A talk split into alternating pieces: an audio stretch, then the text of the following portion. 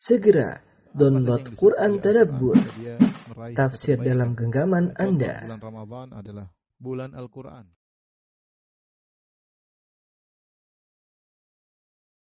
Bismillahirrahmanirrahim. Assalamualaikum warahmatullahi wabarakatuh.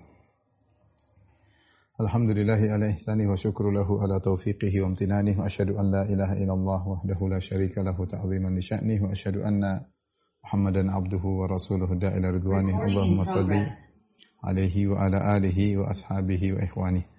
Para jamaah Masjid Al-Ikhlas Dukuh Bima yang dirahmati oleh Allah Subhanahu wa taala. Kembali kita diperkenankan oleh Allah Subhanahu wa taala untuk melanjutkan pelajaran kita eh, tentang tafsir surat Al-A'raf dan kita masih mengikuti perjalanan kisah Nabi Musa alaihi salam. Eh, pada pertemuan lalu di ayat 143 telah kita sebutkan Nabi Musa alaihi salam eh, minta untuk bisa melihat Allah Subhanahu wa taala. Namun ternyata dia tidak mampu untuk melihat Allah Subhanahu wa taala. Akhirnya dia pun eh, pingsan ya. Kemudian dia pun eh, sadar, kemudian beliau pun bertobat kepada Allah Subhanahu wa taala. Ya karena merasa telah meminta sesuatu yang mungkin tidak bisa dia eh, dapatkan ya. Eh, setelah itu Allah Subhanahu wa taala menghibur Nabi Musa. Kata Allah Subhanahu wa taala, "Qala ya Musa inni istafaituka 'alan nasi bi risalati wa bi kalami fakhudh ma ataituka wa kum minasyakirin."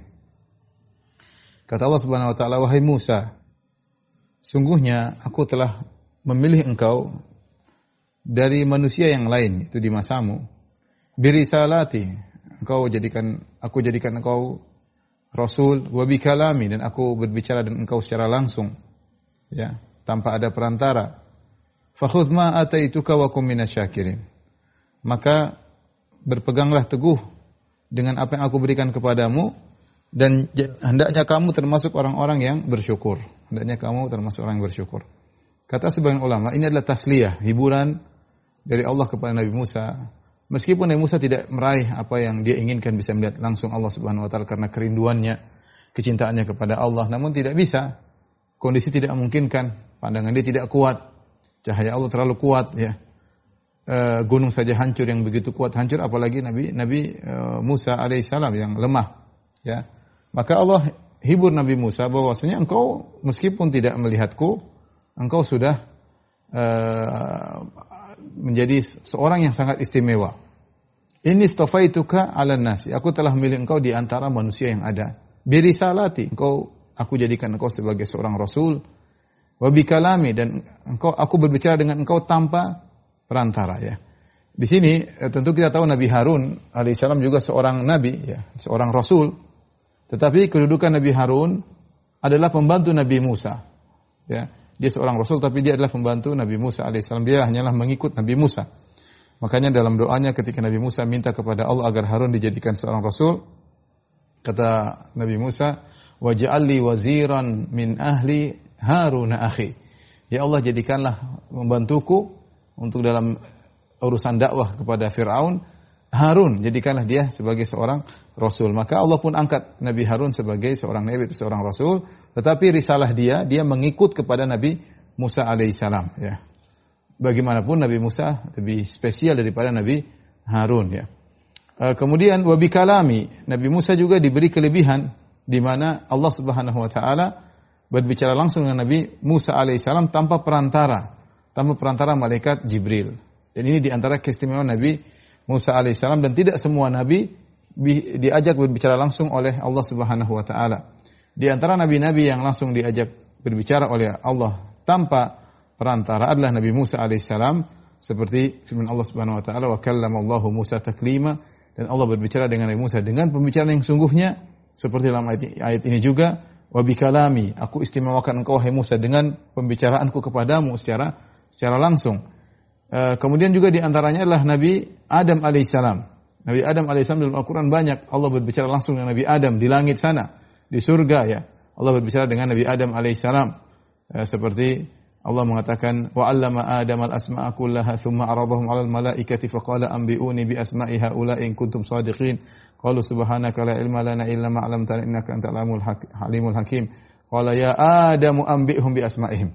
Di hadapan para malaikat Setelah Allah mengajarkan Adam nama-nama semuanya, Allah bilang malaikat coba sebutkan, malaikat tidak tahu. Malaikat tidak tahu. Allah bicara langsung dengan malaikat. Setelah itu Allah berbicara langsung dengan Adam. Qala ya Adamu ambihum, wahai Adam kabarkanlah kepada para malaikat. Bi asma'ihim tentang nama-nama benda-benda tersebut ya. Jadi Allah berbicara dengan dan dalam Al-Qur'an ya Adam. Ya, Allah manggil wahai Adam ya. Allah panggil uh, uh, Ya Adam uskun wa qulna ya Adam uskun anta wa zaujukal jannah dan kami berkata wahai Adam ya e, tinggallah engkau bersama istrimu di surga. Jadi Allah berbicara langsung dengan Nabi Adam alaihissalam. Di antara nabi yang langsung berbicara langsung dengan Allah Subhanahu wa taala tanpa perantara adalah Nabi Muhammad SAW ketika Mi'raj. Ketika Isra dan Mi'raj, Mi'raj Nabi SAW berbicara langsung dengan Allah Subhanahu wa taala tanpa perantara malaikat. Bahkan ketika Nabi turun, Nabi ketemu dengan Nabi Musa alaihissalam, mendapat 50 perintah sholat. Kata Nabi Musa, mintalah keringanan kepada Allah. Maka Nabi balik lagi, ya, langsung ketemu dengan langsung ketemu dengan Allah Subhanahu Wa Taala berbicara langsung. Saking begitu dekatnya Nabi dengan Allah Subhanahu Wa Taala sampai sebagian menyangka Nabi melihat Allah, padahal tidak. Maka Nabi ditanya, hal ro'ai rabbak? Apa kau melihat Allah? Kata Nabi Wasallam, nurun anna arahu. Ada cahaya bagaimana aku bisa melihat. Tapi Nabi berbicara langsung. Berbicara langsung. Dan itu diisyaratkan dalam Al-Quran, kata Allah Subhanahu Wa Taala, fa'auha ila abdihi. Maka Allah beri wahyu kepada hambanya apa yang dia wahyukan. Zahirnya tanpa melalui malaikat Jibril. Itu terjadi ketika Mi'raj saja. Ketika terjadi di Mi'raj saja, makanya Nabi diangkat ke tempat yang tertinggi untuk semakin dekat dengan Allah sehingga berbicara langsung dengan Allah Subhanahu wa taala. Adapun rasul-rasul yang lain tidak ya, mereka tidak mendapatkan keistimewaan tersebut ya, hanya sebagian saja yang sampai kepada kita Nabi Adam, Nabi Musa, Nabi uh, Muhammad SAW, mungkin Nabi yang lain tapi yang sampai kepada kita dalilnya tiga Nabi ini. Makanya Allah Subhanahu Wa Taala berfirman, tilka rusulu faddalna ba'dahum ala ba'din minhum man kallama Allah wa rafa'a ba'dahum darajat. Itulah para rasul ya. Faddalna ba'dahum ala ba'd. Kami muliakan sebagian di atas sebagian yang lain. Rasul tidak satu derajat. Kata Allah, minhum man Allah. Di antara mereka ada yang Allah berbicara langsung dengan dengan mereka. Ya. Di antaranya Adam, di antaranya Musa, di antaranya Muhammad sallallahu alaihi wasallam. Bisa jadi nabi yang lain, cuma kita saya, saya, saya harus cari lagi dalilnya, tapi di antaranya itu. Ya. Uh, oleh karenanya Allah menghibur Nabi Musa di sini. Allah mengatakan, Inni stofaituka ala nasi birisalati wa bikalami. Wahai Musa jangan bersedih meskipun tidak bisa melihat aku. Engkau adalah spesial. Aku telah memilih engkau ya eh, di, di kalangan manusia. Aku pilih engkau dengan risalahku ya dengan Taurat. Aku berikan kepada engkau dan juga bikalami dengan aku berbicara langsung dengan engkau uh, tanpa ada uh, perantara. Uh, dan di zaman itu tidak ada yang seperti Nabi Musa. Nabi Harun dapat risalah itu pun risalahnya pengikut Nabi Musa dan dia tidak berbicara langsung dengan Allah Subhanahu wa taala. Allah berfirman setelah itu, "Fakhudh ma ataituka, ambillah apa yang aku berikan kepada engkau." Kata Imam Al-Qurtubi rahimahullahu taala, isyaratun ilal qanaah. Itu Allah menyuruh Nabi Musa untuk qanaah. Seakan-akan Allah berkata, "Iqna bima ataituka." Qanaa'lah engkau dengan apa yang aku berikan kepadamu. Artinya tidak perlu kau harus melihat aku. Syukurilah apa yang aku berikan kepadamu. Ini suatu tingkatan yang tinggi yang aku berikan kepadamu. Wa kum minasyakirin. Dan jadilah engkau termasuk yang orang-orang yang bersyukur. Nabi Musa bukannya tidak bersyukur, dia bersyukur, tetapi Allah tuntut yang lebih tinggi. Karena Nabi kalau ada seseorang sudah talabus dengan sesuatu, sudah melakukan sesuatu, kemudian disuruh lagi melakukan hal tersebut, berarti disuruh naikkan level. Ini kaidah. Contoh seperti Allah Subhanahu wa taala, "Ya ayyuhalladzina amanu aminu." Wahai orang yang beriman, berimanlah. Mereka sudah beriman. Ketika Allah mengatakan berimanlah, menunjukkan suruh istiqomah dan suruh naikkan level. Ya ayyuhalladzina amanu aminu. Wahai orang beriman, berimanlah. Yang sudah beriman disuruh beriman lagi. Maksudnya apa? Naikkan levelmu. Naikkan level keimanan kalian. Seperti di sini Nabi Musa alaihissalam sudah menjadi tentu dia seorang nabi yang pandai bersyukur. Tapi Allah menyuruh Nabi Musa ya untuk balighus syukur sebagaimana tafsiran Al-Alusi dalam kitabnya Ruhul Ma'ani. Maksudnya Allah menyuruh Nabi Musa untuk menaikkan level syukurnya lebih daripada yang sekarang. Untuk merenungkan kembali bahwasanya apa yang Allah berikan kepada dia itu sudah sangat-sangat luar biasa. Ya, sangat-sangat luar biasa. Menjadikan dia bahkan bukan cuma spesial di antara manusia, bahkan spesial di antara rasul-rasul yang lain. Ya, meskipun Eh, meskipun Nabi Muhammad juga ikut serta Nabi Adam tapi dia jadi spesial terkenal Ya, dia terkenal dengan kalimullah. Ya, uh, dikenal dengan kalimullah itu orang yang Allah berbicara langsung uh, dengannya ya. Kemudian Allah Subhanahu wa taala berfirman. Dan sini perintah Allah wa kum minasyakirin bersyukurlah ya. Yaitu tambahlah level syukurmu dan syukur dalam dalam segala hal apa pun. Uh, orang bertanya bersyukur dari apa? Bersyukur atas apa? Ya, ketika tidak disebutkan objeknya maf'ul bihnya ini memberikan faedah keumuman. Ini kaidah dalam tafsir. Banyak ayat yang datang tidak disebutkan dengan objeknya berarti memberikan faedah keumuman ya. Misalnya ayyuhalladzina amanu taqullah ya. Uh, bertakwalah kepada Allah ya dengan dengan apa dengan menghindarkan segala bentuk maksiat menghindarkan diri segala bentuk maksiat tidak disebutkan maksiat apa tidak disebutkan, tapi bertakwa artinya menjaga dirimu dari segala maksiat. Contohnya Allah Subhanahu wa taala uh, berfirman misalnya uh, Innal abrara lafi na'im 'alal araiki yanzurun. Sungguhnya uh, orang-orang yang baik di dalam kenikmatan di surga kelak 'alal araiki yanzurun, mereka di atas dipan-dipan memandang. Memandang apa tidak disebutkan. Tapi semua yang mereka pandang semuanya membuat mereka bahagia di surga.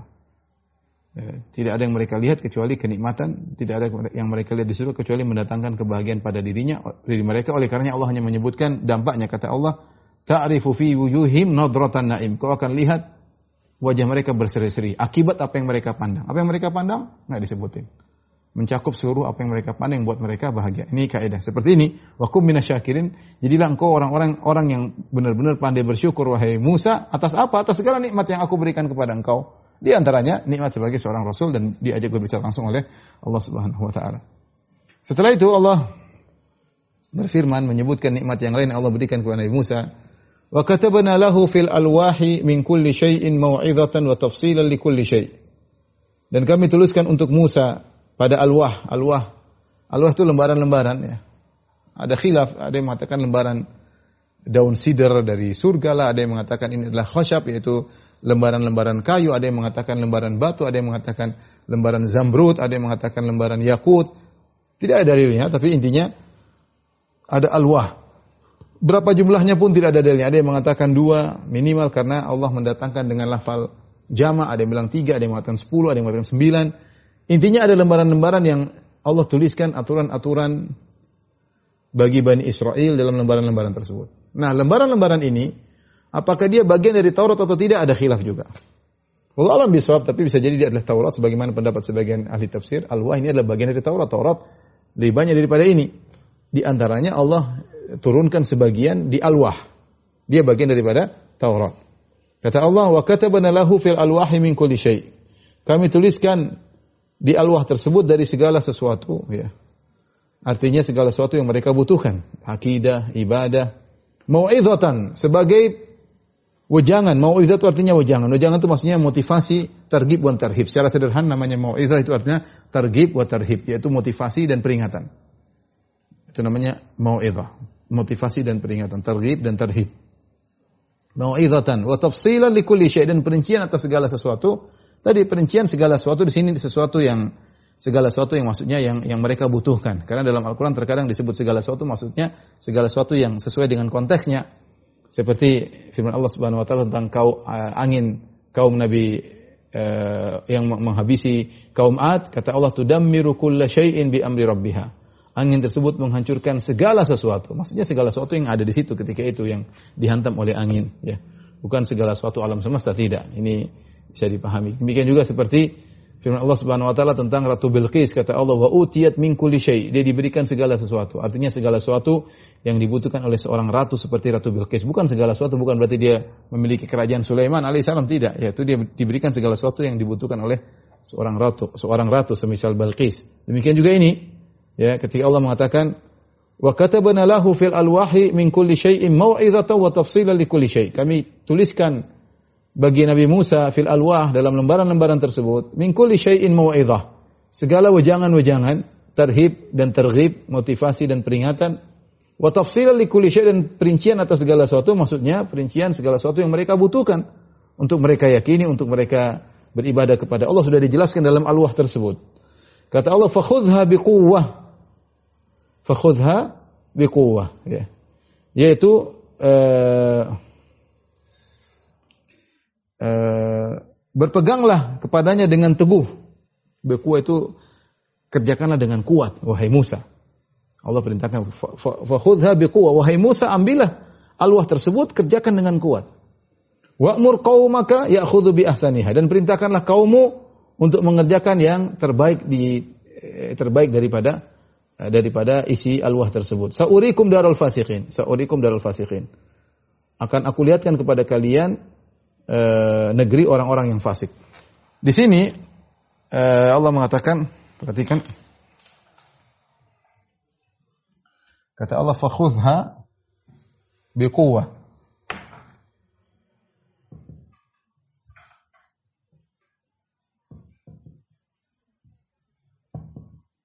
Wa'mur qaumaka ya'khudhu bi ahsaniha. Sa'urikum darul fasikin.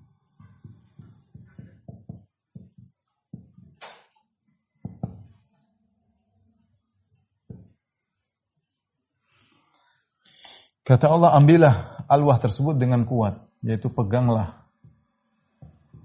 Peganglah uh, lembaran-lembaran tersebut, maksudnya isinya, lembaran-lembaran tersebut dengan kuat. Yaitu kerjakanlah dengan semaksimal mungkin. Yaitu kerjakanlah kerjakanlah kandungannya dengan uh, semaksimal mungkin. Kata para ulama, artinya Allah Subhanahu wa taala menyuruh Nabi Musa alaihissalam berbuat lebih hebat daripada kaumnya. Apa yang diperintahkan kepada kaumnya lebih lebih ringan daripada Allah perintahkan dia untuk menjalankan Taurat tersebut atau alwah tadi. Ya. Dan itu sifat yang yang mulia. Seperti Nabi Muhammad SAW contohnya sholat malam.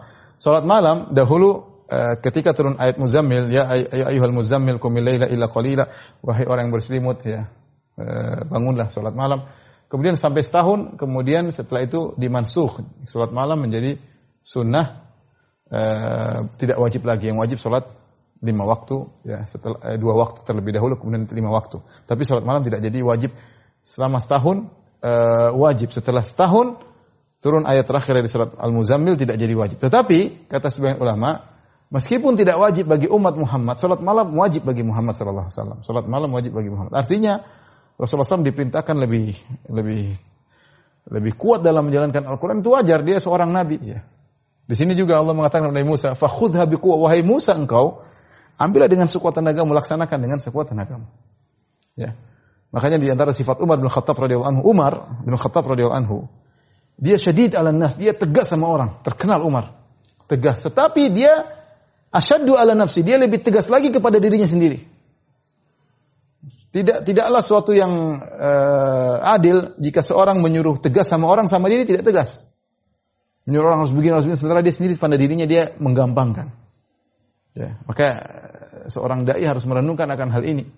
Ya, dia lebih utama untuk menjalankan dengan tegas, dengan tegar, dengan lebih hati-hati daripada audiens yang dia dakwahi. Ya sebagaimana Umar bin Khattab radhiyallahu anhu kepada dirinya lebih tegas daripada yang lainnya. Sebagaimana Musa alaihissalam. Kata para ulama, Allah memerintahkan lebih tegas daripada wa'mur qaumaka ya'khudhu bi ahsani dan perintahkan kaum untuk mengambil yang yang terbaik. Nah, ada khilaf di sini. Kata Allah perintahkan perintahkan kaummu untuk uh, mengambil yang terbaik.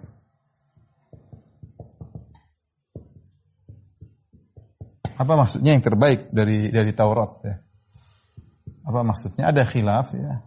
Ada beberapa pendapat, cuma di antaranya maksudnya uh, alwah tersebut semuanya adalah terbaik. Syariat Allah semuanya terbaik. Adalah yang terbaik. Jadi Allah ingin menyatakan apa yang aku berikan kepada mereka itu yang terbaik. Ambillah. Peganglah itu syariat yang terbaik. Peganglah ya. Eh, untuk untuk memegang yang terbaik ibu bukan bukan mengambil atau memegang yang terbaik artinya apa yang Allah turunkan adalah yang terbaik bagi mereka dan itu sifat syariat Allah semuanya semua syariat Allah yang terbaik bagi siapa yang Allah turunkan kita harus yakin akan hal tersebut ya, ya.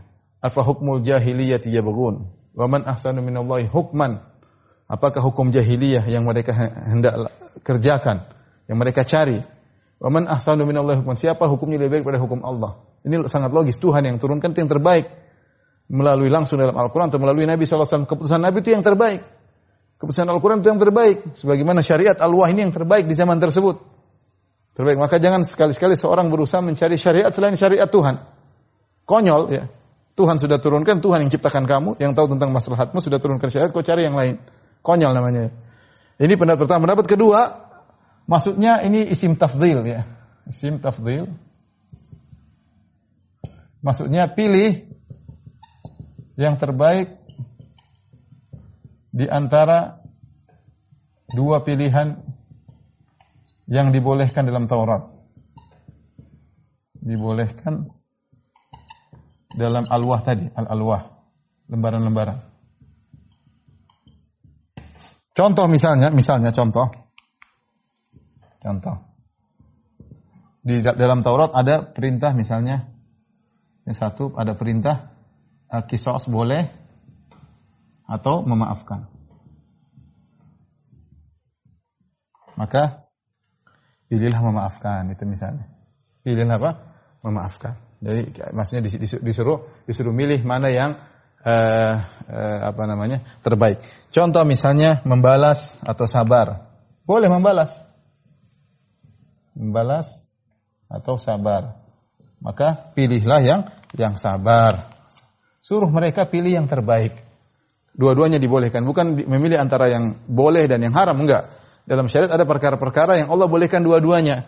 Dan dalam syariat Islam juga demikian, tapi pilih yang terbaik. Seperti misalnya, bagaimana sikap kita, kita terhadap orang yang zalim?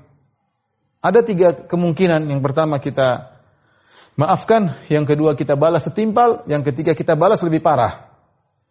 Kalau kita maafkan itu yang terbaik, kalau kita balas setimpal itu boleh, tapi kalau kita balas lebih parah itu kita zalim. Tadinya kita dizalimi, kita rubah menjadi berubah menjadi yang menzalimi. Ya Allah mengatakan eh, wa jazaa'u sayyi'atin sayyi'atun misluha faman afa wa aslaha fa ajru 'ala Allah innahu la yuhibbudz zalimin. Allah sebutkan tiga model manusia. Balasan suatu keburukan sama seperti keburukan keburukan itu enggak ada masalah. Boleh kamu balas dengan keburukan kezaliman yang dia lakukan, balas enggak ada masalah. Ini boleh. Fa in aqabtum fa aqibu bimithli ma uqibtum bi. Kalau kau balas maka balas sebagaimana kau dizalimi. Wala in sabartum tapi kalau kau bersabar, kau maafkan. Ini yang lebih tinggi. Faman afa wa aslaha, siapa yang maafkan dan berbuat kebaikan, fa Allah maka pahalanya si Allah. Kemudian model yang ketiga yang melampaui batas dalam membalas, innahu la yuhibbudz zalimin. Allah tidak suka orang yang zalim. Ketika seorang membalas tapi dia tidak bisa mengontrol dirinya, dia balas lebih parah, maka dia menjadi zalim. Ya, ini contohnya dalam Al-Quran pun ada dua pilihan kalau kita dizalimi. Boleh memaafkan, boleh membalas, tapi balas yang setimpal. Kita suruh disuruh memilih yang yang terbaik. Ini maksud dari uh, ya'khudhu bi ya'khudhu bi ahsaniha. Ya. Mengambil yang uh, yang terbaik ya. Ini dua ada tafsiran yang lain tapi ini di antaranya ya. Kemudian kata Allah, "Sa'urikum darul fasikin." Aku akan perlihatkan kepada mereka negeri orang-orang fasik.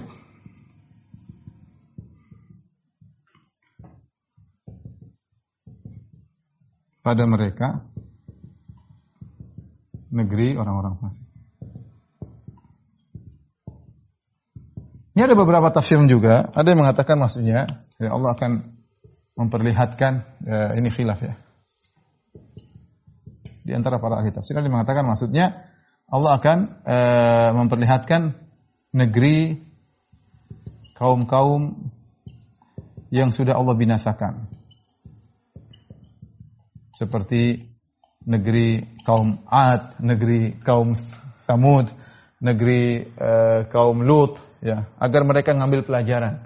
Karena uh, Bani Israel akan berkembang di negeri Syam. Di negeri Syam ada ada kaum Lut ya, ya. Ada apa namanya? Ada mereka bisa lewati juga mungkin pergi ke Hijaz kemudian ke kaum Samud ya. Intinya Allah katakan kami akan lihatkan kepada mereka negeri-negeri yang orang-orang fasik itu negeri-negeri kaum yang sudah dibinasakan oleh Allah agar mereka mengambil pelajaran. Ini pendapat pertama. Pendapat kedua ya, yang saya lebih condong bahwasanya darul fasikin darul fasikin maksudnya neraka jahanam. Ini pendapat sebagian salaf. Ya. Ada tentu pendapat-pendapat yang lain yang mengatakan maksudnya Mesir, ada yang mengatakan e, negeri yang lain, tapi Saya lebih cenderung pada pendapat ini bahwasanya Allah mengatakan, "Aku akan lihatkan kepada kalian neraka yang merupakan kesudahan orang-orang kafir." Maksudnya setelah Allah memotivasi, Allah ingatkan. Jadi ini adalah motivasi perintah. Perintah. Ambillah alwah yang sudah Allah turunkan kepada Nabi Musa, kerjakan dengan baik, kalau tidak hati-hati, jika tidak, ya, maka hati-hati jangan sampai masuk neraka. Maksudnya demikian. Ini ancaman. Jadi ini adalah apa? Adalah ancaman. Wallahu alam bisawab.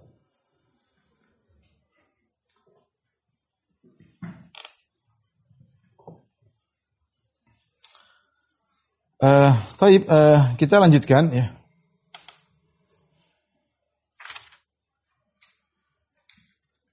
Setelah itu Allah berfirman, Sa'asrifu an ayati alladhina yatakabbaruna fil ardi bighairil haqq. Kata Allah, aku akan memalingkan orang-orang yang menyombongkan dirinya di muka bumi tanpa alasan yang benar dari tanda-tanda kekuasaanku. Aku, aku, aku akan buat mereka berpaling. Ada tanda-tanda ayat-ayat Allah yang harusnya mereka sadar dengan melihat tanda-tanda tersebut, tapi Allah buat mereka berpaling. Mereka tidak bisa mengambil pelajaran. Sa'asrifu an ayati alladhina yatakabbaruna fil ardi bighairil haqq. Mereka sombong tanpa hak untuk sombong. Wa iya akibatnya apa? Wa iya kulla ayatin la yu'minu biha. La yu'minu biha. Kalau mereka melihat seluruh ayat-ayat tanda-tanda kebesaranku mereka tidak beriman akibatnya karena aku sudah palingkan. Wa iya sabila rusdi la yattakhidhuhu sabila. Kalau mereka melihat jalan-jalan kebaikan yang memberi petunjuk kepada mereka, la yattakhidhuhu sabila. Mereka tidak betah, mereka tidak mau menempuh jalan tersebut. Padahal jalan tersebut mengantarkan kepada kebaikan. Wa iyyaraw sabilal ghayyi yattakhidhu sabila. Adapun kalau mereka melihat ada jalan yang mengantarkan kepada kesesatan, mereka tempuh jalan tersebut. Kenapa mereka dipalingkan? Dzalika bi annahum kadzdzabu bi ayatina. Hal ini karena mereka telah mendustakan ayat-ayat kami wa kanu anha ghafilin dan mereka selalu lalai dari ayat-ayat kami. Ini adalah al-jaza' menyisil amal. Ya, balasan sesuai dengan perbuatan. Tatkala mereka datang pertama kali mereka mengingkari, mereka mengingkari bahkan mereka sombong, akhirnya mereka dipalingkan. Dan ayat-ayat seperti ini banyak seperti kata Allah Subhanahu wa taala falamma zagu azagallahu qulubahum. Tatkala mereka menyimpang Allah simpangkan hati mereka. Wa nuqallibu afidatahum absaruhum kama lam yu'minu bihi awwala marrah wa nadharuhum fi tughyanihim ya'mahun. Kata Allah Subhanahu wa taala, kami membolak-balikan hati mereka ya. Demikian juga mata mereka sebagaimana mereka tidak beriman di awal kali. Kadang-kadang ketika kita diberi pilihan awal ini ternyata kunci dari selanjutnya. Kadang-kadang demikian. Seperti mereka, mereka dikasih pilihan pertama, mereka tahu itu kebenaran, mereka berpaling. Mereka tahu kebenaran, bukan orang tidak tahu. Ini sudah tahu, tapi dia dengan hawa nafsu dia berpaling. Akhirnya Allah melanjutkan, ke, dia berpaling seterusnya. Kita kembali uh, para jemaah Masjid uh, Al-Ikhlas Dukubi yang dirahmati Allah Subhanahu wa taala. Jadi ini sangat penting terkadang seorang di awal dia sudah menyimpang kemudian berlanjut terus. Padahal dia sudah tahu itu kebenaran. Hati-hati jangan kita mendapati posisi seperti itu. Beda dengan orang ketika dia tahu itu kebenaran dia tidak bisa lakukan dia bilang ya saya belum bisa, saya ya saya iman saya belum kuat. Itu nggak ada masalah. Artinya itu lebih ringan, bukan itu nggak ada masalah itu masalah juga, tapi itu lebih ringan. Yang lebih parah dia sudah tahu itu kebenaran tapi dengan hawa nafsunya dia bela kesesatan, dia bantah kebenaran. Bisa itu awal di mana Allah akan buat dia menyimpang, menyimpang, menyimpang dan seterusnya. Karena Allah mengatakan wa nuqallibu afidatahum absarahum kama lam yu'minu bihi awwala marrah. Kami palingkan pandangan mereka, hati mereka sebagaimana mereka tidak beriman di awal kali. Falamma zagu azagallahu qulubahum. Tatkala mereka menyimpang, Allah palingkan hati mereka. Seperti ini. Dzalika bi annahum kadzdzabu bi ayatina wa kanu anha. Mereka mendustakan ayat kami dan mereka lalai akhirnya apa? Allah palingkan mereka. Seluruh jalan kebenaran, seluruh tanda-tanda keesaan Allah mereka tidak beriman lagi. Bahkan kalau ada jalan kebenaran, wa iyyarau sabila rusdi la yattakhidhuhu sabila. Ada jalan ke kebenaran mereka enggak mau, enggak. Kenapa hati mereka enggak terima? Hati mereka sudah distempel oleh Allah Subhanahu wa taala. Wa iyyarau sabila al-ghayy yattakhidhuhu sabila. Kalau ada jalan kesesatan mereka senang, hati mereka cocok. Kenapa hati mereka sudah disimpangkan oleh Allah Subhanahu wa taala? Di antara sebabnya karena sudah mendustakan ayat Allah sebelumnya. Di antara sebabnya karena kesombongan. Ya ini, Kata Allah, "Sa'asrifu an ayati alladziina yatakabbaruna fil ardi bighairil haqq." Aku akan palingkan dari ayat-ayatku, aku palingkan mereka yang sombong di atas muka bumi tanpa hak. Tidak ada yang berhak untuk sombong. Sombong tanpa hak itu tanpa hak ini adalah sifat lazim. Namanya orang sombong itu tidak berhak untuk sombong. Jangan disangka ada sombong karena hak. Berarti boleh sombong. Enggak. Namanya sifat lazimah. Aku akan palingkan ayat-ayatku dari orang-orang yang sombong di atas muka bumi tanpa hak. Jangan dipahami berarti boleh sombong dengan hak. Enggak ada. Tidak ada yang boleh sombong. Yang boleh sombong hanya Allah Subhanahu wa taala. Dalam hadis kata kata Nabi sallallahu alaihi wasallam Allah berfirman, "Al-kibriya uridai wal azamatu izari, faman naza'ani fi wahidin minhuma qadhaftuhu finnar." Kesombongan adalah selendangku, ya. E, keagungan adalah sarungku. Siapa yang mencoba-coba menyaingiku dalam salah satu dari dua perkara ini, aku lemparkan dalam neraka jahanam. Jadi orang sombong itu tidak hak untuk bersombong karena semua yang dia miliki adalah dari Allah Subhanahu wa taala. Bagaimana dia sombong? Karena kesombongannya ini Allah membuat dia ya berpaling dari seluruh ayat-ayat Allah Subhanahu wa taala. Makanya orang kafir kalau dia tidak sombong, dia suatu saat dapat hidayah. Mungkin dia tidak sombong, dia mungkin ya belum mengerti atau mungkin dia tapi kalau sombong angkuh, udah tahu itu benar dia sombong. Yukabirun dia sombong ngeyel. Nah, ini sulit. Sulit. Sulit mendapat hidayah. Apalagi kalau sudah stempel hatinya, mau ditunjukkan jalan kebenaran, dia nggak akan terima. Dia nggak akan, jangan terima. Tapi ada orang kafir yang dia tahu dia nggak sombong, satu saat hatinya terbuka, eh, sangat mungkin. Kalau sombong sulit untuk dapat dapat hidayah. Lihat juga bagaimana orang-orang yang sombong dengan kecerdasannya, seperti sebagian orang fisikawan, mereka melakukan penelitian-penelitian, bahkan mereka sudah mengungkap bagaimana agungnya alam semesta, tapi mereka tidak beriman. Justru kalau mereka tahu agungnya alam semesta, bahwasanya alam semesta ini berjalan dengan aturan tertentu, mungkin mereka temukan rumus-rumusnya. Rumus-rumus itu apa? Aturan sih. Aturan yang bikin siapa? Allah. Mereka hanya mengambil rahasia rumus ya teori dari aturan-aturan yang sudah berlaku. Justru harusnya logika mereka ini ada ini kok bisa terjadi rumus. Ini berarti ada aturan yang berjalan yang kita baru ungkapkan sekarang. Berarti ada yang bikin. Harusnya mereka semakin percaya ada Tuhan. Tapi kenyataannya tidak. Banyak di antara mereka justru jadi ateis. Sehingga mereka mengatakan semua terjadi dengan sudfah. Aturan-aturan tersebut terjadi dengan tiba-tiba probability yang tidak yang tidak mungkin. Ya. Ya kalau satu kemungkinan di antara ini kemungkinan kemungkinan semua benar semua ini namanya ada yang ada yang bikin. Ada yang bikin ya. ya. Kalau kemungkinan ada satu mobil bagus yang lain rus, rusak ya mungkin satu dibanding sepuluh ribu tiba-tiba baik sendiri nggak ada yang bikin. Tapi kalau semua mobil bagus semua, ya berarti ada yang bikin. Ya. Ya. Manusia lahir semuanya manusia ya kalau dari sejuta manusia satu tiba-tiba normal, yang lain nggak normal berarti itu ngawur, nggak ada yang bikin. Tapi kalau semuanya normal baik, ada satu yang kurang baik, justru menunjukkan ada yang ngatur, ada aturannya, yang bikin ada. Maksud saya kesombongan itu menghalangi seorang dari hidayah. Bahkan Allah bisa membuat dia sudah hidayah di depan mata dia tidak akan terima. Kenapa? Hatinya sudah dipalingkan, ya, eh, matanya sudah ditutup, hatinya sudah dikunci mati oleh Allah Subhanahu wa taala. Sebenarnya ulama mengatakan ayat ini menyinggung orang-orang Yahudi yang sombong dengan ras mereka, rasisme, rasisme mereka. Mereka merasa ras mereka adalah ras yang terbaik. Ya, bahwasanya yang lain adalah hanyalah suku-suku yang diciptakan untuk melayani mereka. Dan mereka tidak menerima ras Arab bahwasanya nabi terakhir keluar dari ras Arab, ya. Sombong. Ketika mereka sombong, ya, mereka tidak beriman kepada Muhammad SAW. Padahal ke, kejelasan sudah sangat jelas ini nabi, jelas mereka tahu ini nabi. Nabi terakhir ciri-cirinya sama dengan yang datang dalam Taurat dan Injil. Sudah mereka nanti-nantikan kedatangannya. Mereka sudah sampai berhijrah ke kota Madinah lebih dahulu. Menanti kedatangan Nabi terakhir. Semua cirinya persis plek sama. Makanya ketika Nabi baru datang dari Mekah ke Madinah, berangkatlah Huyai bin Akhtab, bapaknya Sofia. Dengan pamannya, kalau tidak salah Abu Yasir. Mereka berdua ngecek. Pergi pagi-pagi dengan semangat mengecek. Pulang sore-sore dengan lemas kata Sofia. Bapaknya ngomong sama pamannya, ahu ahu, itukah Nabi yang kita tunggu-tunggu?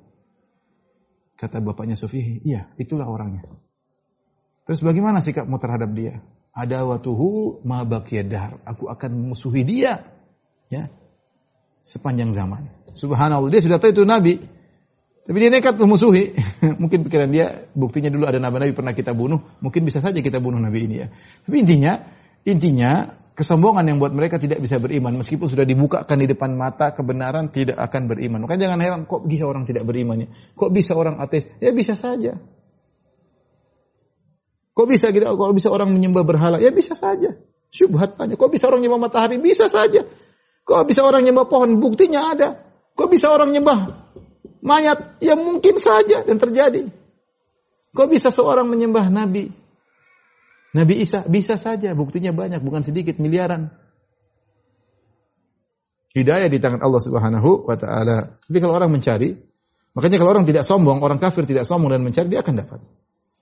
Syaratnya tidak sombong. Tapi kalau sudah sombong, mulai merendahkan, maksudnya hebat, selesai, sulit dapat hidayah.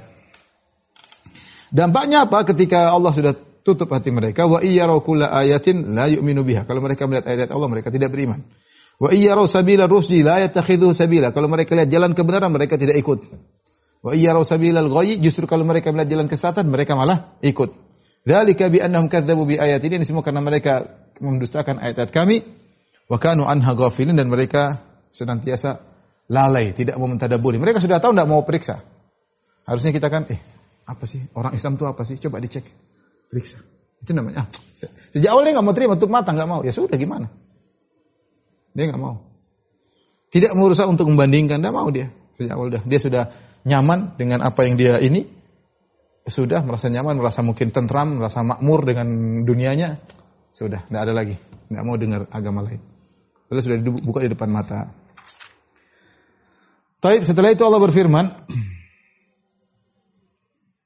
واتخذ قوم موسى والذين كذبوا بآياتنا ولقاء الآخرة حبطت أعمالهم kata Allah Subhanahu wa taala ya ayat 147 147 dan orang-orang yang mendustakan ayat-ayat kami dan mendustakan akan menemui akhirat waliqail akhirat merasa tidak ada namanya hari akhirat ya habitat a'maluhum maka amal mereka semuanya gugur Hal yujzauna ila ma kanu ya'malun dan tidaklah mereka diberi ganjaran kecuali apa yang mereka lakukan. Ya. Jadi ya, kenapa amalan mereka gugur? Karena amalan mereka tidak dibangun di atas tauhid. Orang kalau musyrik atau orang ateis mau baik sebaik apa pun gugur, ya. Wa qadimna ila ma amilu min amalin faja'alnahu haba'an manthura. Kata Allah kami uh, menampakkan amal mereka, ya pahalanya luar biasa, fajalna haban mansura lalu kami jadikan pahala tersebut seperti debu yang berterbangan. Mereka lihat pada hari kiamat kelak, uh, ini kalau kamu beriman dulu pahalamu seperti tapi tidak beriman, maka jadi berdebu yang berterbangan. Sebagaimana Abdullah bin Jud'an, seorang yang musyrik tapi dia sangat dermawan. Saking dermawannya, Aisyah pernah bertanya dalam Sahih Muslim, Aisyah bertanya kepada Nabi, Ya Rasulullah Abdullah ibnu Jud'an, kana yasilur rahim, kana yakrid dhaif, eh, kana yasilur rahim, Eh, karena yut'im ta'am. Ya Rasulullah, bagaimana yang Ibnu Jud'an? Dia dulu suka menjamu tamu, suka memberi makan fakir miskin, suka memulia eh, apa namanya? suka menyambung silaturahmi. Hal yang fa'uhu dzalik apakah perbuatannya dulu ketika hidup bermanfaat baginya? Kata Nabi sallallahu alaihi wasallam, "La, enggak. Lam yakul yauman qat rabbi ghfirli khati'ati yaumaddin." Dia tidak pernah ngomong sekalipun, "Ya Allah, ampunilah dosa-dosaku pada hari kebangkitan." Dia tidak percaya hari kebangkitan. Gimana mau diterima amalnya? Musyrik musyrik. Kalau amal sebesar apa pun tidak dibangun di atas asas yang benar, di atas pondasi yang benar, maka gugur. Seperti ini kata Allah Subhanahu wa taala, habitat a'maluhum. Amalan mereka semua gugur. Halu jazauna ila ma kanu ya'malun. Apakah mereka dibalas? Tidak lain kecuali dengan akibat yang mereka lakukan, apa yang mereka amalkan, apa yang mereka yakini.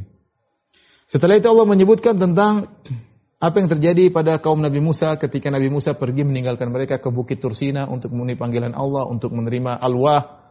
Allah ceritakan, "Wattakhadha qaumu Musa min ba'dihi min huliyihim ijlan jasadan lahu khuwar." Dan kaum Musa setelah kepergian Musa ke Gunung Tursina, mereka membuat dari perhiasan-perhiasan emas mereka, mereka buat anak lembu yang bertubuh dan bersuara. Ya. Jasadan lahu khuwar. Bahwasanya lembu tersebut, berhala lembu ini ada jasadnya dan dia punya suara, suara sapi. Keluar tuh suara sapi. Seperti kalau kambing suara mbek ya. Saya nggak tahu kalau suara sapi namanya apa ya. Alam yarau annahu la yukallimuhum wa la yahdihim sabila. Tidakkah mereka melihat bahwasanya sapi tersebut tidak bisa ngomong sama tidak bisa bicara sama mereka, wa la yahdihim sabila dan tidak bisa memberi petunjuk kepada mereka. Ittakhadhuhu wa kanu zalimin. Mereka mengambil sapi tersebut untuk disembah wa kanu zalimin dan mereka telah berbuat zalim. Ini sebagaimana sudah pernah kita tafsirkan atau kita jelaskan dalam tafsir surat Toha. Jadi ketika Nabi Musa eh, datang kepada Allah Allah mengatakan inna qad eh, fatanna qaumaka min ba'dika wa adallahumus samiri wahai Musa sungguhnya kami telah menguji kaummu mereka terfitnah ya setelah kau pergi dan mereka disesatkan oleh Samiri Samiri ini ya sudah kita bahas dalam surat tapi intinya dia seorang yang sesat dan dia ya eh, ketika Nabi Musa pergi dia ambil kesempatan ya untuk membuat sapi berhala sapi. Dia bilang kalian kan bawa emas, ya. Emas mereka dapatkan dari mana? Jadi ada dua ada dua tafsir secara yang kuat tentang emas yang mereka bawa.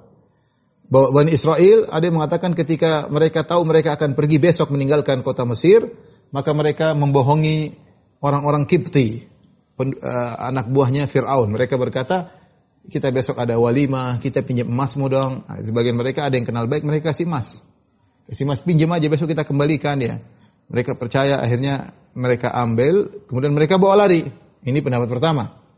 Pendapat kedua, emas tersebut mereka dapat dari mana ketika Fir'aun dan bala tentaranya mati, sebagian mereka diselamatkan dan mereka memakai perhiasan mereka. Fir'aun punya emas dan macam mereka ambil.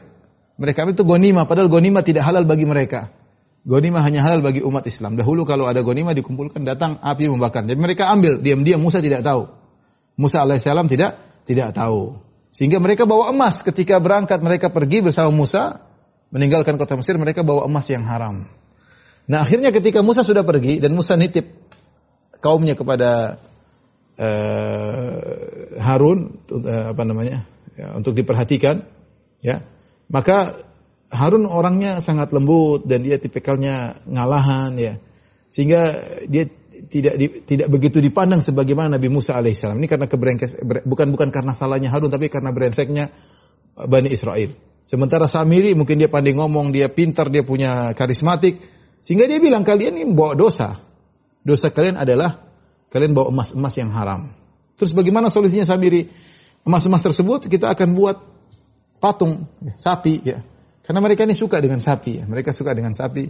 Sebagaimana pernah kita jelaskan ketika wajawaz Nabi Bani Israel bahra fa atau ala qaumin yakufuna ala asnami lahum qalu ya Musa ja'alani ilahan kama lahum alih sebagaimana kita sampaikan pada pertemuan lalu ketika mereka diselamatkan dari Mesir mereka melihat satu kaum yang sedang menyembah berhala. Berhala tersebut kata sebagian ahli tafsir adalah berhala sapi. Sehingga mereka suka dengan berhala dalam bentuk sapi entah kenapa ya. Uh, Samiri mengambil kesempatan. Akhirnya dia suruh bikin patung sapi dari emas. Emas tersebut emas haram semua dikumpulkan dimasukkan dalam kubangan api. Kemudian menjadi menjadi menjadi sapi. Kemudian ada yang mengatakan menjadi sapi beneran bertubuh ada yang mengatakan tidak tubuhnya masih dalam bentuk emas tapi ada suaranya suara keluar. Ini fitnah semua. Fitnah. Allah jadikan ujian. Akhirnya mereka menyembah sapi. Mereka menyembah sapi ada yang mereka menari-nari di sekitar sapi ya. Ini yang mereka lakukan. Allah mengatakan wattakhadha qaumu Musa min ba'dihi min. Kaum Nabi Musa setelah Musa pergi mereka jadikan dari emas-emas mereka ijlan, sapi jasadan berupa jasad, entah jasadnya berupa daging seperti sapi biasa atau berupa emas, lahu khuwar, tapi ada suaranya. Ini yang membuat mereka semakin yakin. Ya. Bahkan mereka berkata wa qalu hadza ilahu ilahukum wa ilahu Musa fanasi. Samiri berkata, ini sebenarnya Tuhan kalian yang sungguhnya, yang kalian sembah. Ini Tuhannya Musa. Cuma dia lupa, dia cari tahu, cari Tuhannya di Bukit Tursin. Ini Tuhannya Musa ini. Kita sudah munculkan Tuhannya. Dan mereka percaya aja. Mereka percaya aja. Nabi Harun tegur mereka. Walaqad qala lahum Harunu min qablu ya qaumi inna ma futintum bih wa inna rabbakumur rahman fattabi'uni wa atiku wa atiu amri. Wahai kaumku, sungguhnya ini tidak benar. Tuhan kalian cuma Allah Subhanahu wa taala. Tinggalkan ini. Tapi mereka hampir bunuh Nabi Harun. Makanya Nabi Harun diam, tidak bisa apa-apa. Innal qauma yastad innal qauma stad'afuni wa kadu yaqtulunani. Ketika Musa marah kepada Harun, Harun berkata, "Ya Musa, itu kaum meremehkan aku. Dianggap aku lemah. Wa kadu yaqtulunani bukan cuma itu, mereka hampir bunuh aku." Ya akhirnya dia diam. Mereka hampir bunuh aku. Jadi mereka akhirnya membuat uh, patung dan ini hal yang sangat akal mereka tidak jalan hidayah kalau tidak diberi ya sudah repot. Bagaimana mereka mau menyamakan pencipta langit dan bumi seperti sapi yang kemudian disembah. Yang sapi tersebut kata Allah Subhanahu wa taala la yukallimuhum tidak bisa ngomong, tidak bisa berbicara dengan mereka. Wala yahdihim sabila, tidak bisa beri petunjuk, tidak punya sifat zatiyah, di antaranya berbicara dan tidak punya sifat fi'liyah memberi petunjuk, enggak ada. Tidak ada sifat zatiyah, tidak sifat fi'liyah. Tidak pantas jadi Tuhan. Kenapa tidak pantas jadi Tuhan? Karena tidak bisa ngomong. Oleh karenanya, para ulama mengatakan di antara kekhususan Tuhan yang Allah jadikan dalil itu bukan Tuhan adalah tidak bisa ngomong, tidak pantas jadi Tuhan. Kalau Tuhan harusnya bisa ngomong, bisa ngomong sama mereka. Ya. Sebagaimana Allah berbicara dengan Nabi Musa alaihissalam. Gayung bersambut dengan Nabi Musa, berdialog dengan Nabi Musa. Kalau kalau tidak bisa ngomong, tidak bisa jadi Tuhan. Makanya para ulama mengatakan siapa yang mengingkari sifat berbicaranya Allah mengatakan Allah tidak berbicara. Tidak ada suara yang dengar hanya sekedar. Ini berarti Allah tidak bisa berbicara. Ini uh, seakan-akan ya menyamakan Allah dengan makhluk yang tidak bisa berbicara. Ya. Taib. Uh, Ittakhaduhu wa kanu zalimin. Mereka menjadikan sapi tersebut menjadi sembahan dan mereka telah berbuat zalim. Akhirnya Musa pulang. Musa pulang. Walam masuqita fi aidihim. Musa tegur mereka dan mereka sadar mereka salah. Walam masuqita fi aidihim.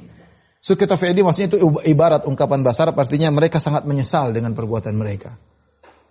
Suqita fi aidihim ya. Mereka sangat menyesal dengan perbuatan mereka. Wara'au annahum qad dhallu. Musa tegur mereka, Musa tegur Nabi Harun alaihissalam dan mereka mandang mereka telah sesat. Qalu la illam yarhamna. Akhirnya mereka kembali kepada Allah. Kata mereka ya Tuhan kami kalau uh, la illam yarhamna rabbuna seandainya Rabb kami tidak mengasihi kami wa yaghfir lana dan tidak mengampuni kami lanakunanna minal khasirin. Sungguh kami termasuk orang-orang yang yang merugi. Ini apa yang terjadi? Kenapa mereka sadar? Allah Allah sebutkan setelahnya apa yang terjadi membuat mereka sadar tadi, mereka kembali kepada Allah. Allah ceritakan, "Walamma raja'a Musa ila qaumi ghadbana asifa." Tatkala Musa pulang kembali dari Bukit Tursina, Allah bilang, "Kami telah in, in, in, apa namanya? kami telah menguji kaummu dan mereka telah disayat oleh Samiri, maka Musa segera pulang, ingin tahu apa yang terjadi sambil membawa alwah, lembaran-lembaran yang sudah diberi catatan oleh Allah tentang syariat yang penting bagi mereka. Walamma raja'a Musa ila qaumihi ghadbana asifa. Tatkala Musa kembali kepada kaumnya, dia melihat Godbana Asifa bercampur antara marah dan sedih.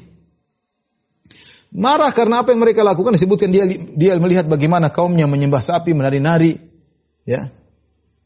Oleh karenanya Imam Al-Qurtubi mengatakan kebiasaan orang-orang sufi yang nari-nari itu itu kebiasaan kaum Samiri. Beribadah dengan menari-nari itu kata Imam Al-Qurtubi ya dalam tafsirnya. Dalam kasih surat Toha inilah kebiasaan orang sufi yang beribadah dengan joget-joget itulah pertama kali nenek moyangnya salafnya siapa adalah Eh, pengikut Samiri. Nabi Musa marah, Godbana asifa dia pun marah dan sangat sedih, bercampur antara marah dengan kesedihan. Sedih ini kaum yang dia sayang, ya. Marah karena mereka melakukan demikian. Ya. Qala bi sama khalaftumuni min ba'di. Alang alangkah buruknya perbuatan yang kalian kerjakan setelah kepergianku. A'ajiltum amra rabbakum? Ya. Apa kamu hendak mendahului janji Tuhanmu? Kenapa enggak tunggu? Aku datang bawa apa namanya? perintah dari Allah Subhanahu wa taala, ya. Mereka sangat uh, apa namanya? sangat uh, sangat bodoh, ya, tergesa-gesa. Kemudian uh, mereka tidak mereka tergesa-gesa tidak menunggu kepulangan Nabi Musa. Ajiltum amra rabb, amra rabbikum? Kenapa kalian apa namanya mendahului ya perkara Rabb kalian ya. Mendahului, mendahului janji Tuhan kalian. Setelah itu Allah berfirman wa alqal alwaha maka Musa pun melemparkan alwah, lembaran yang dia pegang itu dia lempar, dia lemparkan, dia taruh. Dia marah. Uh, kata para ulama, itulah laisal khabar kal muayana. Dengar tidak sama melihat langsung. Ketika Nabi Musa dikabarkan oleh Allah, ya, uh, kami telah kata Allah kami ya, memfitnah kaummu, ya, ya, wa adallahu Samiri, Samiri telah menyesatkan kaummu. Allah cerita, Nabi Musa tidak marah, cuma jengkel tapi tidak marah. Waduh bahaya nih. Dan dia pulang tidak begitu marah. Tapi ketika melihat langsung, beda. Al-khabar, laisal khabar kalma ini istilah yang mendengar tidak langsung dengan melihat. Kita kalau dengar ada kejadian di sana, ya kita sedih, tapi beda kalau kita yang mengalami langsung. Kalau kita lihat langsung, beda rasanya. Musa ketika dengar dari Allah, dia pasti yakin memang yang dikabarkan Tuhan. Tapi dia tidak marah. Ketika dia lihat langsung, baru dia marah. Akibat dia marah, wa alqal alwa, dia dia ingin langsung mencari solusi siapa jadi sumber permasalahan, kenapa bisa begini. Padahal dia sudah taruh Harun sebagai uh, penggantinya, maka dia taruh alwah lembaran-lembaran tersebut wa akhadha bi akhihi. Lantas dia mengambil kepala kakaknya, dia tarik kepala kakaknya. Eh, Harun itu lebih tua, disebut Harun lebih tua daripada Musa tiga tahun lebih tua, kakaknya. Ya jurruhu ilai dia tarik. Dalam ayat yang lain, ya bna umma la ta'khudh la ta'khudh bi lihyati wala bi. Wahai putra ibuku. Padahal mereka berdua syakik, syakik itu maksudnya syakikon maksudnya satu ayah satu ibu. Tetapi dia sebut tentang ibu karena ibu lebih ya kita sama-sama serahim. Kenapa kau tarik kepalaku dan jenggotku? La ta'khudh bi lihyati wala bi ra'si. Jangan kau pegang wahai putra ibuku. Jangan kau tarik jenggotku dan kepalaku. Seakan-akan Musa tarik begini atau Musa tarik begini. Intinya jenggotnya dipegang dan ditarik atau dia tarik begini. Kalau narik jenggot sekaligus narik kepala berarti. Qala ibn umma innal qauma stad'afuni wa kadu yaqtulunani. Maka dia berkata, wahai wahai putra ibuku, sungguhnya kaummu telah meremehkan aku dan hampir mereka membunuhku. Apa yang apa saya tidak bisa lakukan apa-apa. Fala tushmit biyal a'da'a wa la taj'alni ma'al qaumidz zalimin. Jangan kau bikin senang mereka. Mereka tadi membunuh saya. Ketika kau marah sama saya, mereka tambah senang. Jangan buat mereka bergembira. Ya. Musuh-musuh bergembira melihatku digituin oleh kamu, wahai Musa, oleh adikku ya. Ya. Wala taj'alni ma'al qaumi dzalimin dan janganlah kau masukkan aku dalam golongan orang-orang yang zalim. Aku tidak penyembah berhala. Aku tidak menyuruh mereka menyembah berhala. Aku, aku sudah mencegah, aku sudah berusaha tapi tidak berhasil. Ya. Uh, kalau kita baca dalam sebagian buku tafsir disebutkan Musa melempar marah, kemudian alwahnya pecah, tinggal sebagian. Namun ini semua tidak ada dalilnya. Dikritik oleh sebagian ahli tafsir semua dalilnya semua dari Israiliyat. Kalau dalam dalam buku Israiliyat iya pecah lauh tersebut pecah. Saya nggak tahu dalam perjanjian lama, tapi saya lupa. Tapi kayaknya disebutkan juga nanti bisa dicek kembali. Tapi intinya itu diambil dari Israiliyat. Dalam Al-Quran tidak ada disebutkan bahwasanya Musa banting itu apa? Seperti pegang Al-Quran kemudian banting Al-Quran enggak. Ya dia dia mungkin terburu-buru segera letakkan kemudian dia pegang. Bukan dia marah dia banting alwah tersebut. Seakan-akan dia menghina alwah tidak. Ini dikritik oleh para ulama. Dia Allah mengatakan alwah itu dia menaruh segera, dia melemparkan kemudian dia ke Harun untuk memecahkan permasalahan. Kenapa bisa begini? Intinya demikian. Sehingga dia letakkan itu alwah. Ya. Kenapa kita perlu bahas ini? Karena Al-Qurtubi dalam tafsirnya dia menyebutkan dia berkata, "Waqad istadalla ba'dhu juhalil mutasawwifa." Al-Qurtubi sering bantah orang sufi. Dia mengatakan sebagian orang jahil dari kaum sufi berdalil dengan kisah ini ala jawazi ramyi thiyab idza istadda tarabuhum alal magna. Kalau mereka sudah melakukan rakas dengar-dengar nyanyian-nyanyian kemudian mereka sudah akhirnya mereka boleh robek-robek baju. Dalilnya apa? Dalilnya Nabi Musa pernah lempar Taurat. Ya, ini dibantah oleh dibantah di, uh, ya.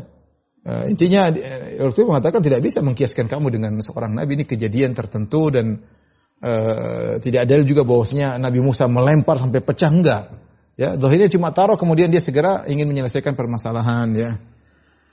Akhirnya Nabi Musa tahu dia bersalah. Ternyata kakaknya Harun sudah berusaha. Dia dia namanya dia tidak tahu apa yang terjadi. Kalau Allah tidak kabarkan dia tidak tahu. Dia, dia menyangka kakaknya ada melakukan kesalahan, tidak menjalankan wasiatnya. Jadi ini dijelaskan dalam surat Toha. Ini setelah dia sadar bahwasanya kakaknya tidak bersalah, sudah berusaha semaksimal mungkin namun tidak berhasil, maka dia berkata, "Qala rabbi ghufirli, ya Allah ampunilah aku.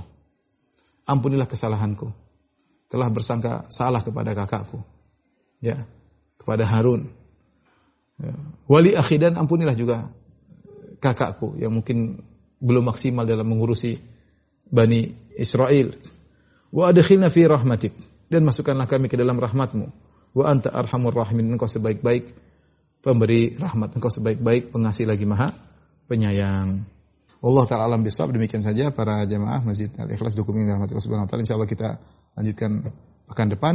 Wabillahi taufiq wal hidayah. Assalamualaikum warahmatullahi wabarakatuh.